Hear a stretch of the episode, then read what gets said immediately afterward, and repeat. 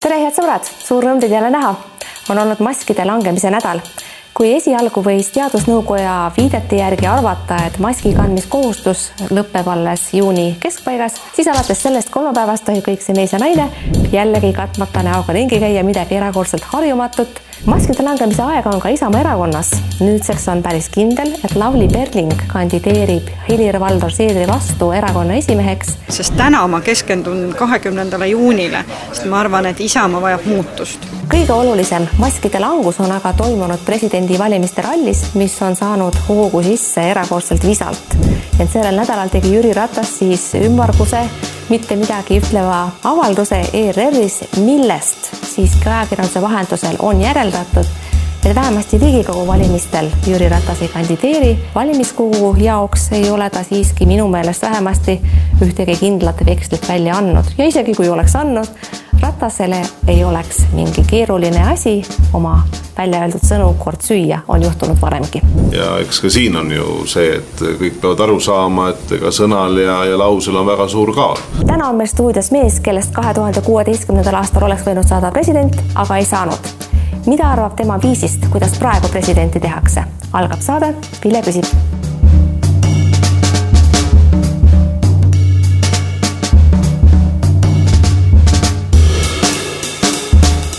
ja mul on suur rõõm tervitada stuudios Siim Kallast, Riigikogu liiget, Reformierakonna asutajaliiget ja auesimeest, tere tulemast.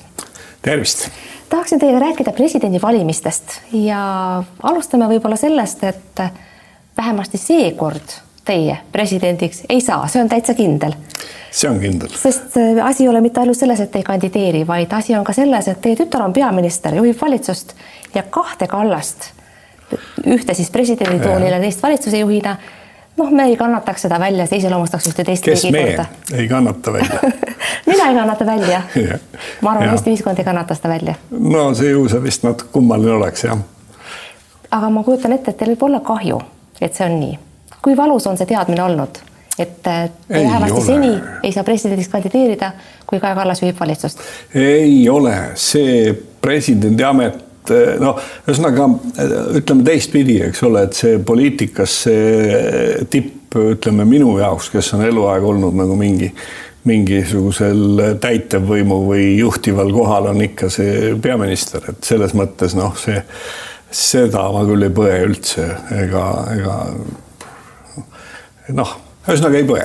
aga Siim Kallas tõenäoliselt ei saa ka enam peaministriks selles elus. ei sest... saa, noh, mis teha sest ajad on, aga mis tunne see on? peaministri kohti on väga, on siin, see on ainult üks koht ja siin on palju tahtjaid eks ole, mis tunne see on, kui oled parimas eas, parimas vaimses vormis, oskused, kogemused, kõik on olemas, aga on nii palju noori pink on pikk, mis, mis, mismoodi see tunda annab? see on muidugi väga kena teist, et te ütlesite, et te olete suurepärases vormis ja õiges ajal, ma olen siiski seitsekümmend kaks aastat vana, nii et ma arvan, et et tegelikult see nii-öelda, ma kogu aeg ütlen, et see niisugune energeetiline vanus on ikka kuskil nii-öelda nelikümmend, viiskümmend, noh kuni kuuskümmend, aga siis ikka hakkab nagu noh, on üsna loomulik, et tulevad siis selles vanuses inimesed peale, nii et seda nagu väga põdeda ei saa, aga muidugi, mis on teie jutus väga tõsi, on see, et et ähm, ega rööpalt maha kukkuda on üsna halb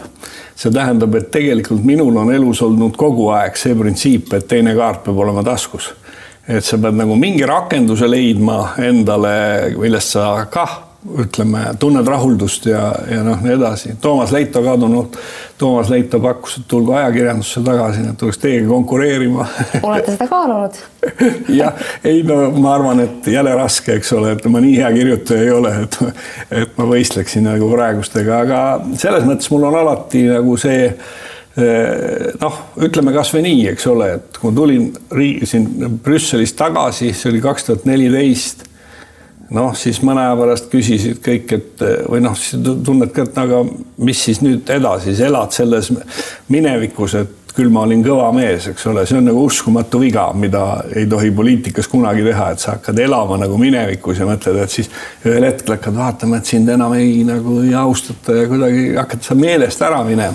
siis peab mingi uue rakenduse leidma jõukohase ja noh, sellepärast ma kandideerisin Riigikokku ja juhin praegu Euroopa Liidu asjade komisjoni, mis mulle väga kontimööda on. Nii et olen üldiselt eluga rahul, ega tegelikult ju tõde on see, et ega see Vana-Rooma ütlemine, et püüa päeva, see ei ole ju sugugi mitte kuskilt õhust võetud, et tunne siiski, elust mõnu. ma siiski tahaksin teiega natukene rääkida minevikust, aga mitte liiga kaugest, vaid meenutada siis neid kahe tuhande kuueteistkümnenda aasta presidendivalimisi, kus teie olite tegelikult see esimene, kes avalikkuse ette tuli kandidaadina. Ja noh, tegelikult te ju mängisite täispangale, te mõtlesite tookord ju päris tõsiselt, kuigi teil mingit garantiid ei saanud olla et teist saab president, see ei läinud nii. kui nüüd tagantjärele meenutada, siis äh, mis oli teie mm, tollane ajend praeguses kontekstis võrre, praegusega võrreldes nii vara ennast ambrasuurile visata? Ehm, see on hea küsimus, millele ma ei oskagi nagu täpselt vastata. küllap on minus alati olnud niisugust, äh, minu kohta on öeldudki, ma ei hakka kordama, aga seda, et, et niisugust seikluse ja sellist, sellist teatud niisugust seiklusmeelsust võiks öelda, et ähm, noh, kandidaati nagu ei olnud ja ja siis kogu aeg küsiti, et noh, kas kas te, kas te tahate presidendiks, ma ütlesin, no ma siis tahan. Ja siis muidugi järgnes loogiliselt see, et okei okay,, et siis teeme siis kampaania ja vaatame, kuidas läheb. aga noh, ma ütlen ka seda, et ega mm, vaat kui sa jälle oled nagu niisuguses poliitilises kampaanias, siis sa pead alati olema valmis selleks, et sa kaotad. Et see ei ole noh, ka sellega kaks tuhat kuusteist, mida ma ka korduvalt öelnud, ei ole, ma ei põe seda, aga ma põen seda, kuidas see tegelikult, kuidas see presidendivalimised eh, nagu korraldati ja noh, kõik kolleegid täna ka tolleaegsed eh, ja, ja tänased tegijad, noh, kõigil on selles mõttes ühel meelel. tol korral tõepoolest oli kelle seast valida, kuid eh, pärast presidendivalimisi, kui president oli ametisse saanud, uuesti siis Riigikogusse tagasi läinud see protsess, siis olid tegelikult kõik erakonnad ühel nõul selles, et niimoodi seda asja ajama ei pea, seda ei pea enam uuesti juhtuma, nii nagu läks. aga ometi see erakondade ind seadust muuta rauges, miks? ei tea, muuseas ma tõesti, me olime opositsioonis. Ja tegelikult ju, eks ole, sellest hetkest ju vahetus ka valitsus. Ja ma oletasin isegi, et te seda küsite, aga ma, ma tõesti ei tea, meie kindlasti oleksime olnud valmis seda toetama, see on üks väike asi, mis oleks pidanud ainult tegema, oleks see, et lõpus on lihthäälteenamus ja ei ole mingisugust piirangut, kes saab rohkem hääli, saab presidendiks. aga te ei võtnud ka initsiatiivi? ei võtnud jah ei võtnud kuidagi nagu, ma ei oska vastata Lootsid, sellele. presidendivalimised järgmine kord ei tule nagu ilmselt Keskerakondki. ei, ei tea ei tea, ma ei oska sellele vastata, ma tõesti, ma hakkasin ka ükskord mõtlema just selle peale, kui te mind siia saatesse kutsusite, ma hakkasin mõtlema, et huvitav, et kuhu see käik jäi, et see oli nagu, siis oli seal, eks ole, oli meil mitu erinevat justiitsministrit ja kõik rääkisid, et tehakse see väike muudatus, eks ole, noh, see oli juttu ka tegelikult üldse suuremast loomulikult, et kas see otsevalimine või mitte otsevalimine. aga see oli nagu niisugune ettekujutus ja noh, meie poolt oleks see kindlasti toetus olnud, aga meie poolt ei saanud see väga noh, ütleme opositsiooni tol ajal oli see üldse niiviisi, mis oli nagu üldse Eestis noh, varem ei olnud ja praegu ka ei ole et nagu müür oli, ütleme, et kui meie oleks mingi asjaga välja tulnud, see oli selgelt lootusetu, mitte noh, ükskõik kui hea plaan oleks, opositsioon oleks igal juhul tagasi lükanud okay.. täna me ei lükka.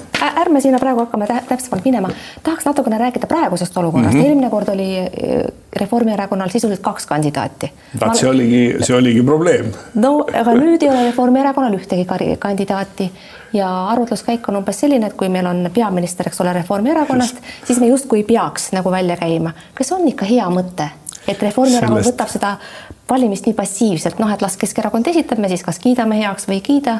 no sellest te ju arut-, alustasite, eks ole, et ega siis äh, äh, ma ei kujuta hästi, nojah nii me oleme tegelikult jah, praegu nagu otsustanud, et, et me ootame oma koalitsioonipartnerilt siis nagu niimoodi presidendikandidaadi väljapakkumist, aga see ei ole ainuke, me aga nii palju, kui ma tean. eelmine kord oli president, oli ju peaminister oli ju Taavi Rõivas. nii et noh, argumendid on siis iseenesest võiksid olla ju samad. jah, aga, aga noh, vaata, aga sellest ei läinud ju, ei tulnud midagi välja ka, eks ole, nii et ma arvan, et täna Eh, täna see noh, on, on võib-olla, võib-olla ka see, et, et me ei lähe teist korda enam nagu näppu lõikama selle asjaga, nii et. No siin on paljud asju, paljusid asju, mida ei soovita korrata, et nad niimoodi läksid teinekord, kuid selle hind on ka see, et äh, näiteks praegu meil ei ole ühtegi debatti presidendikandidaatide vahel, mis minu meelest on erakordselt kahetsetav. et see on üks huvitav küsimus. Eh, tähendab, mida te mõtlete selle debati all? ma pean silmas seda, et kahe tuhande kuueteistkümnendal aastal me tundsime kõiki kandidaate. hakkas varakult pihta. hakkas varakult pihta, me saime nende käest mm -hmm. küsida kõiki küsimusi, ajakirjanikutel, ajakirjanikel olid kuldsed päevad, valgustati igatpidi läbi, aga praegu on erakonnad nii arad nad ei käi oma kandidaate välja, ainult siin ootavad, kas Jüri Ratas peab iseendaga nõu ja jõuab Jüri Ratasega arutada, arutades siis mingisuguse tulemuseni või ei jõua et selles mõttes on ja selles on oma roll ka äh, Reformierakonnal, millesse teie kuulute, ka teie, see on selline arg erakond, mis ei taha initsiatiivi võtta ja kandidaate avalikkuse ette tuua, miks? no praegu neid kandidaate lihtsalt ei ole. Äh, tegelikult on ähm, nagu ringlevad mõned nimed, aga niisugust kandidaati, kelle taha võiks öelda, et nüüd nelikümmend viis kohta ütleme või, või rohkem, et on kindlalt nagu olemas, et lähme selle peale välja niisugust kandidaati praegu ei ole, nii et, aga see, miks jälle sellest debatist ma tahaks öelda seda, et see eelmine kord hakkas jälle ütleme eh, nagu ütleme minu poole pealt või meie poole pealt, kandidaatide poole pealt liiga vara või ise muidugi initsieerisime. Aga üks asi, mis, mis on üldse nagu eh, noh, see on nagu laiem küsimus, aga see, need debatid olid sageli niisugust ikkagi nagu telesaatejuhtide etendused ja, ja see ausalt öeldes, noh, ma täna ütleksin ka, et, et see, see ei ole nagu meeldiv. ma toon teile ühe näite. Meie seisame Mart Helmega kõrvuti, eks ole, Mart Helme ütleb, et temal on ettepanek, et äh, tõsta kaitsekulutused kahele koma kuuele protsendile sisemajandus-kogutoodangust ja mina küsin, et et oi, et see on väga huvitav ettepanek, eks ole, et, et aga Mart, et ütle, mis on see sisuliselt need ettepanekud, et mis sa selle rahaga siis teed, kuhu suunas sa selle võtad. saatejuht lükkas kohe, lükkas selle niimoodi laualt maha ja läks nagu, nagu polekski kuulnud üldse. Te ei taha tegelikult... sinnamaani välja jõuda, et ajakirjanikud takistasid teil presidendiks saamast? ei, ei, ei, ei, ei, ei, mind ei takistanud, mina sain ajakirjanikelt väga head punktid, mul ei ole midagi ette heita. aga ma mõtlen seda, et noh, et, et see debatt justkui tegelikult meie kui presidendikandidaatide vahel see käis läbi saatejuhi, kes esitas küsimusi, kes esitas jälle küsimusi, aga mitte seda, et eh, mujal maailmas ma olen näinud ka sellist, kus ikkagi on need kandidaadid omavahel nagu debateerivad. et selle üle tasuks mõelda. mis? tahate ajakirjaniku koha pealt ära võtta? kuidas? et tahate, et ajakirjanik juhiks debatti? no päris ei saa, keegi peab modereerima ikka, aga kuidagi on see, ega meil on, eh, me just rääkisime siin kolleegidega siin eh, Riigikogus ka seda, et, et on justkui ettekujutus, et debatt on küsimustele vastamine, aga debatt ei ole küsimustele vastamine. ma olen teiega nõus, aga ma pean vahepeal, vahel natukene tõstma no, ikka tempot, sest muidu me ei jõua üldsegi sinnamaani mm, -hmm. kuhu ma mhm. tahaksin välja jõuda. meid ootavad pealegi lõpus ka veel lugejate küsimused. aga enne kui me sinna jõua tahan, tahaksin teada, mis teil ikkagi nüüd selle Jüri Ratasega on, miks armas Jüri Ratas teile järsku presidendikandidaadiks ei sobi? Reformierakond teda ei toeta. kus te selle võtate, Jüri Ratas pole ju kuskil kandideerinud no kuulge, me saame ju aru, et kõigepealt loetakse kokku hääled, kas toetus tuleb või ei tule. Jüri Ratas oleks välja läinud Riigikogus ainult kindla peale, see on ju lihtne. Jüri Ratas on täpselt samasugune kandidaat nagu mina, mina ka keeldusin, tema keeldus või ei ole öelnud, et võiks kandideerida, nii et, et seni eh, ju eks iga inimene hindab oma võimalusi, eks ole, ja kui kaalub, noh, inimene kaalub, et ta läheb kindla peale välja siis noh, neid loeb need hääled kokku ja neid hääli, kui ei ole, siis ei lähe kindla peale välja, nii et noh, ma ei tea. aga miks see Reformierakonna ärge seda üle tähtsustage, jääb mulje, et, et Jüri Ratas on nagu väga niimoodi teie kandidaat, ma mõtlen, see on nagu avaliku arvamuse kandidaat, et kõik justkui peavad seda, et see on nii loomulik, eks ole, aga see on üks variant kindlasti, ei ole ka kuskile kadunud. küsimus on ikkagi selles, miks kadus Reformierakonna tugi ära ma kohe põhjendan teile, miks ma selle ja, küsimusega aga... olen, miks ma olen selle küsimusega nii järjekindel. see on tegelikult ka Reformierakonnale endale võrdlemisi ohtlik mäng, sest äh, me teame, et presidendivalimised on koalitsioonide püsimisele ohtlikud ja kui nüüd näiteks Kaja Kallase juhitav Reformierakond ütleb, et Jüri Ratast me ei toeta, siis kahtlemata tekivad äh, kiusatused sõlmida uusi koalitsioonilepinguid ja moodustada uusi võimuliite ometi mindi selle peale välja, Reformierakonna tuge ei tulnud, sest muidu oleks äh, ka Ratas ju kandideerinud. tegelikult praegu nagu fantaseerite hea küll, muidugi te olete, te ja, ja aga te noh, põhimõtteliselt eh, seda ütleme nii-öelda faktilist baasi ei ole, eks ole, me pole, me pole isegi, ta ei ole tulnud kui kandidaat, me ei ole seda arutanud ja pealegi noh, põhimõtteliselt ei ole ka öelnud. Jüri Ratas, ma ei oodanud seda teilt. Me ei, ei öelnud ka seda, et, et me teda ei toeta, me ütlesime seda talle, õigemini me, mina ei ole midagi öelnud. Ja, ja aga me ikkagi kujundame oma seisukoha ühiselt ja siis ühiselt ka hääletame ja on praegu lihtsalt esimene vaatepilt on see, et hääli tema toetuseks piisavalt ei ole. No,. sellist ümmargust juttu nagu Jüri Ratas ma teilt tõesti ei oodanud, väga hästi vahetame no, teemat. see on ju väga, see on suur poliitiline kunst on rääkida. rääkida mitte millestki hästi pikalt. Hästi Te olete pärast seda, kui te presidendiks ei saanud, hakanud pidevalt rääkima seda juttu, kuidas presidendi ametit üldse tarvis ei olegi. miks te sellist juttu räägite, kõik saavad aru, et teist kõneleb kibestumine, pettumus, et te ise seda kohta ei saanud ja nüüd tahate siis, et teised ka ei saaks? no esiteks ma, teate, seda kibestumisjuttu on noh, kõik räägivad ka, eks ole, et et mainitud isik enne, et ta on solvunud, eks ole sellises ametis nagu, nagu meiesugused oleme, seal niisugust solvumist ja kibestumist tegelikult ei saa olla. et, et see on sul, mis sul seal sees toimub, see on sinu asi, aga tegelikult see, see ei ole poliitikas eh, niisugune noh, element, et sa nagu ütleme, solvud, kui et noh, vaadake, mis tehakse praegu, ütleme eh, alati, kuidas rünnatakse peaministrit eh, näiteks, eks ole, infotunnis ja see kõik on selleks, et noh, selleks, et ta kaotaks närvid, eks enne oli samamoodi ma ei ütle seda, et see on ainult, eks ole, praegu.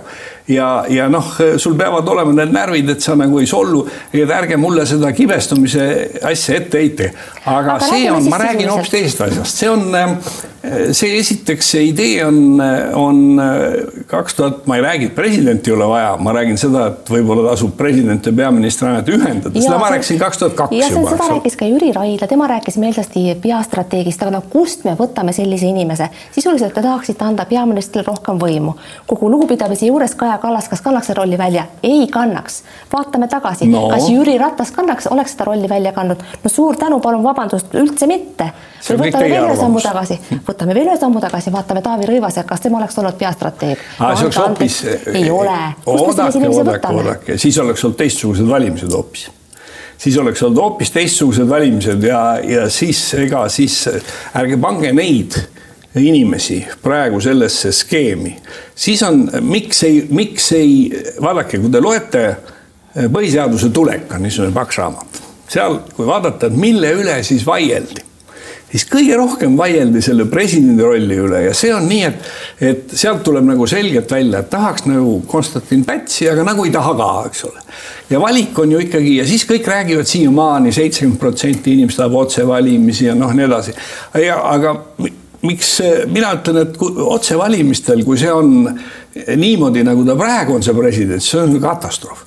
sest ta saab kakssada kaheksakümmend tuhat häält, eks ole sellel otsevalimistel ja tal ei ole mingit võimu. see on teine teema, see on, see on see, et otsevalimised ei ole head sellepärast, et mandaat oleks väga tugev ja võimu oleks vähe, aga teie tahate anda väga palju võimu ühe inimese kätte ja tegelikult tekib seesama olukord, et väikeses Eestis lihtsalt ei ole sellist inimest ja teatav selline lahusus on ju iseenesest mõistlik parlamentaarses riigis, kas pole? sellel on muuta. Äh, omad plussid, ega mina tegelikult ka ei ole, ma olen ikka üsna, üsna sellise, ma olen üsna rahul selle Eesti parlamentaarse demokraatiaga, eks ole, aga kui kõik räägivad sellest, et peaks olema nagu otsevalimised, ei, kui ei oleks otsevalimised, kui oleks otsevalimised, oi ei, ikka räägivad teised ka kui oleks otsevalimised, siis esimeses lahenduses oleks ju valitud Savisaar. nii et oleks olnud selline inimene, kes oleks pretendeerinud, eks ole, ja noh, kes kahtlemata on võimekas inimene, nii et noh, kas ta nüüd, aga või oleks siis tulnud keegi teine kandidaat, oleks pandud püsti näiteks Lennart Meri tema vastu, eks ole. see oleks, see oleks hoopis teistmoodi, see, kui sa lähed mäng, lähed kahesaja kuuekümne tuhande hääle peale välja, eks ole.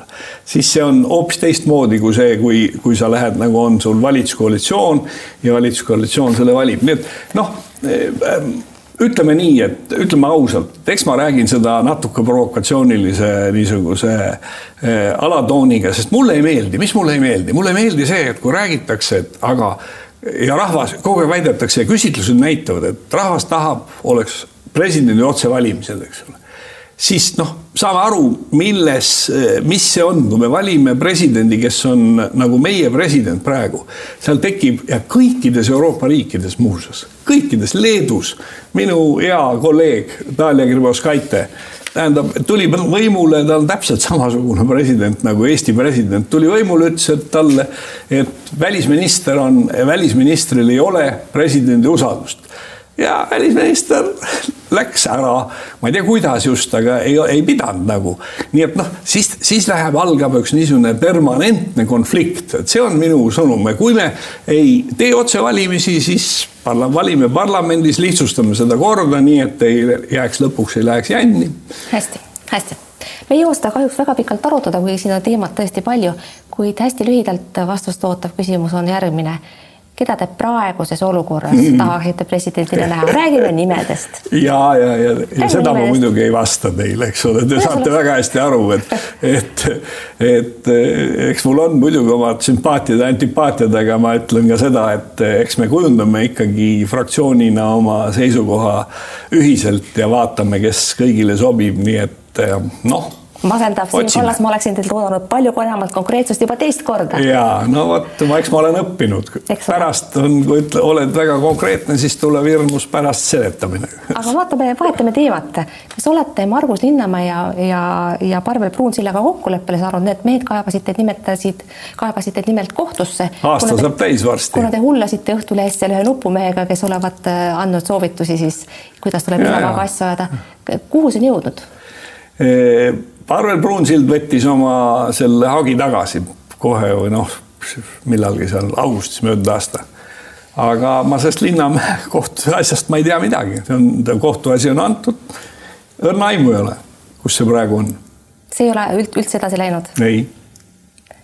hästi. on ka, mind ka huvitab ausalt öeldes, aga ma, ma tegelikult see väga huvitav teema oleks olnud, ma oleks seda kohtuasja ausalt öeldes oleks hea meelega seda kohtuasjas oleks esinenud ja argumenteerinud ja, ja nii edasi aga kes see nupumees siis oli, kes tookord soovitas no,? see oli niisugune abstraktne mõiste, noh, see oli, tähendab, mis selles mõttes abstraktne, et see oli, see ei olnud mitte ühe inimese väljamõeldis, vaid see oli meie ringkondades levinud jutt.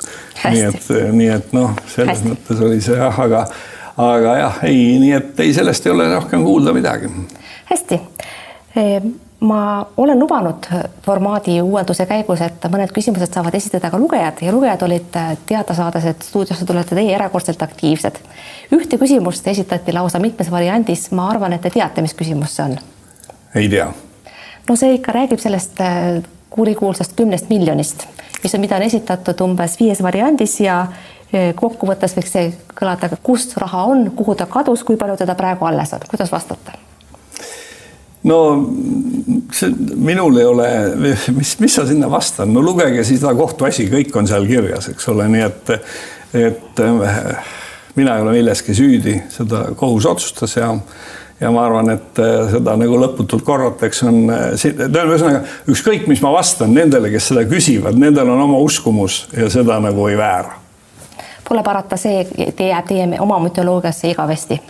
nojah, aga selles mõttes on, on see nagu, on jah, paratamatult, aga ma arvan, et, et ütleme inimesel, kes on olnud väga niisugustes paljuvariantsetes olukordades on, on väga palju neid inimesi, kellel on mingisugused, ütleme, luukered või mingid asjad on, mis mis, mis, kus tema kohta on minevikus mingeid erinevaid arvamusi, nii et eks see on nagu paratamatu sellest ajast, mis üldse oli ju ülimalt nagu dünaamiline, kus tuli väga kiiresti otsustada ja väga kiiresti teha, nii et noh, mis sest, mis sellest ikka üle, üle, üle rääkida. aga mõni sisulisem küsimus ka, palutakse küsida teie käest, kas klassikaline liberalism on surnud? tõepoolest, ma pole teda ka ammu näinud, millal teie viimati teda kohtasite no oleneb, äh, mis te, mida selle all mõeldakse, eks ole, tähendab klassikaline liberalism, kui te mõtlete John Locke'i ja ja siis äh, Stewart Milli ja, ja äh, kes ütleme, Hayek ja kes on nagu kirjutanud nendes asjades, siis need fundamentaalsed asjad on ikka nagu paigas et see, mis puudutab vabadust ja, ja puudutab eraomandit ja noh, need on paigas, aga ei saa salata, et ütleme noh, liberalismis on kindlalt nagu kaks voolu, eks ole, üks vool on see nii-öelda majandusliberalism ja mina loen ikka ennast selle, selle eh, majandusliberalismi pooldajaks, nii et eh, noh, see on, kuidas teile öelda, et äh, äh, on kogu aeg olnud inimesi ja jõudusid, kes on teistsugusel arvamusel olnud, noh, see vaidlus on noh, noh, riik või mitte riik, eks ole, näiteks ka riigi osalus. praegusel ajal on, on ka Euroopa Liidus juba siis, kui mina seal olin, oli seda kogu aeg võis märgata, et ikka, kuidas riik peab olema ikka juba tähtis ja, ja nii edasi, nii et noh, ütleme nii, et ma arvan, et see on nii fundamentaalne, tegelikult on ju demokraatia ka kõik klassikalise liberalismi põhimõtetel, et noh, et selles mõttes need, kui nüüd fundamentaalsus kaob, siis me oleme diktatuuris. aga kui nendes nüanssides rääkida, siis noh, tõepoolest eh, selle eest tuleb võidelda. hästi jällegi keeruline küsimus, aga pigem lühike vastus, kuidas lepitada esimest ja teist Eestit? Küsija peab silmas ilmselt Eesti poliitilist lähiajalugu ja Reformierakonna osa selles, ma pakun välja. noh, Reformierakonna kontsept on selle koha peal, et äh, majanduskasv ja, ja siis, äh, et, et see heaolu kõigile, mis on nii-öelda Erhardi põhimõte, et see on, see on olnud ka meie põhimõte kogu aeg, et, et äh, kui me ergutame ettevõtlust ja, ja, ja toetame nagu head majanduskeskkonda, siis see on kasulik kõigile, aga no ega, ega ütleme näiteks äh, regionaalpoliitikas äh, on, on need vahed ikka olemas ja ka meie möönan, et ega me pole ka nagu sada protsenti või mingeid häid, häid lahendusi siin leidnud. no Kaja Kallase no, kärpepoliitikat praeguses olukorras ausalt öeldes keegi ei imesta, ei imesta imetle ja pean minagi tunnistama, et mis sobis Ansipile, ei istu võib-olla Kaja Kallasele. miks see, miks see rahanduspoliitika Keskerakonnal nii õudselt kopituse järgi haiseb? kunagi võib-olla tundus äge ja õige, aga praegu on ju aeg edasi läinud. et Kõik mis la... mõttes? noh, eelarve tasakaal, kogu see kärpimise asi, see mantra on meil Ansipajast pähe kulunud, aga ausalt öeldes selle peale, selle peale äh, tähendab äh, reede, see on siis äh, öelda täna või õhtul mängitakse Beethovenit ja mäng, sümfooniaorkester mängib üheksandat sümfooniat, see on ka väga vana. aga näe, kuidas ikka mängitakse. ja noh, mina, mind on väga raske ümber veenda, ma arvan, et, et see, et, et, et võlg on võõra oma ja ükskord tuleb kõik tagasi maksta, mind selle koha pealt nagu teistmoodi ei veena vaatama ja ja selles mõttes on, ega praegu on ju ka nii, et eh, juba sel aastal on laenu tagasimakse nelisada üheksakümmend seitse miljonit, eks ole, noh, et eh, tuleme nagu ikkagi kuidagi tasa, niisuguse eh, loogilise lähenemise juurde ja hakkame tasapisi tagasi minema. ma saan aru, et kõik vahepeal on, on kriisid ja kriiside puhul kindlasti on selline lainete, lained käivad ja, ja ja kõik ütleme eh, eh, sellisel juhul kindlasti ka eraettevõte võtab, eks ole, laenu või mingisugust abi saab kuskilt ja ja on nagu loogiline, aga selles mõttes, et seda nagu fundamentaalselt nagu muuta, seda ma arvan, et me peame selle juurde ikka tagasi minema. kuidas jääb maksudega?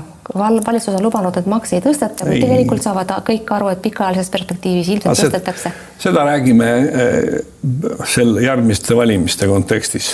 see on nagu tervik, ma olen valmis diskuteerima ka terviku üle tähendab, kui me Mitte räägime paketist, eks ole, mis on maksude koha pealt on täna on ju, eks ole, võtame kõik Google'id ja Amazonid on kümme niisugust hiigelplatvormi, kes tegelikult võtavad meilt suveräänsuse ära, eks ole, nendele nagu noh, otsitakse ka teid ja kuidas siis nagu nende, neilt kasseerida sealt osa nende tuludest sisse ja see on igati loogiline, õigustatud.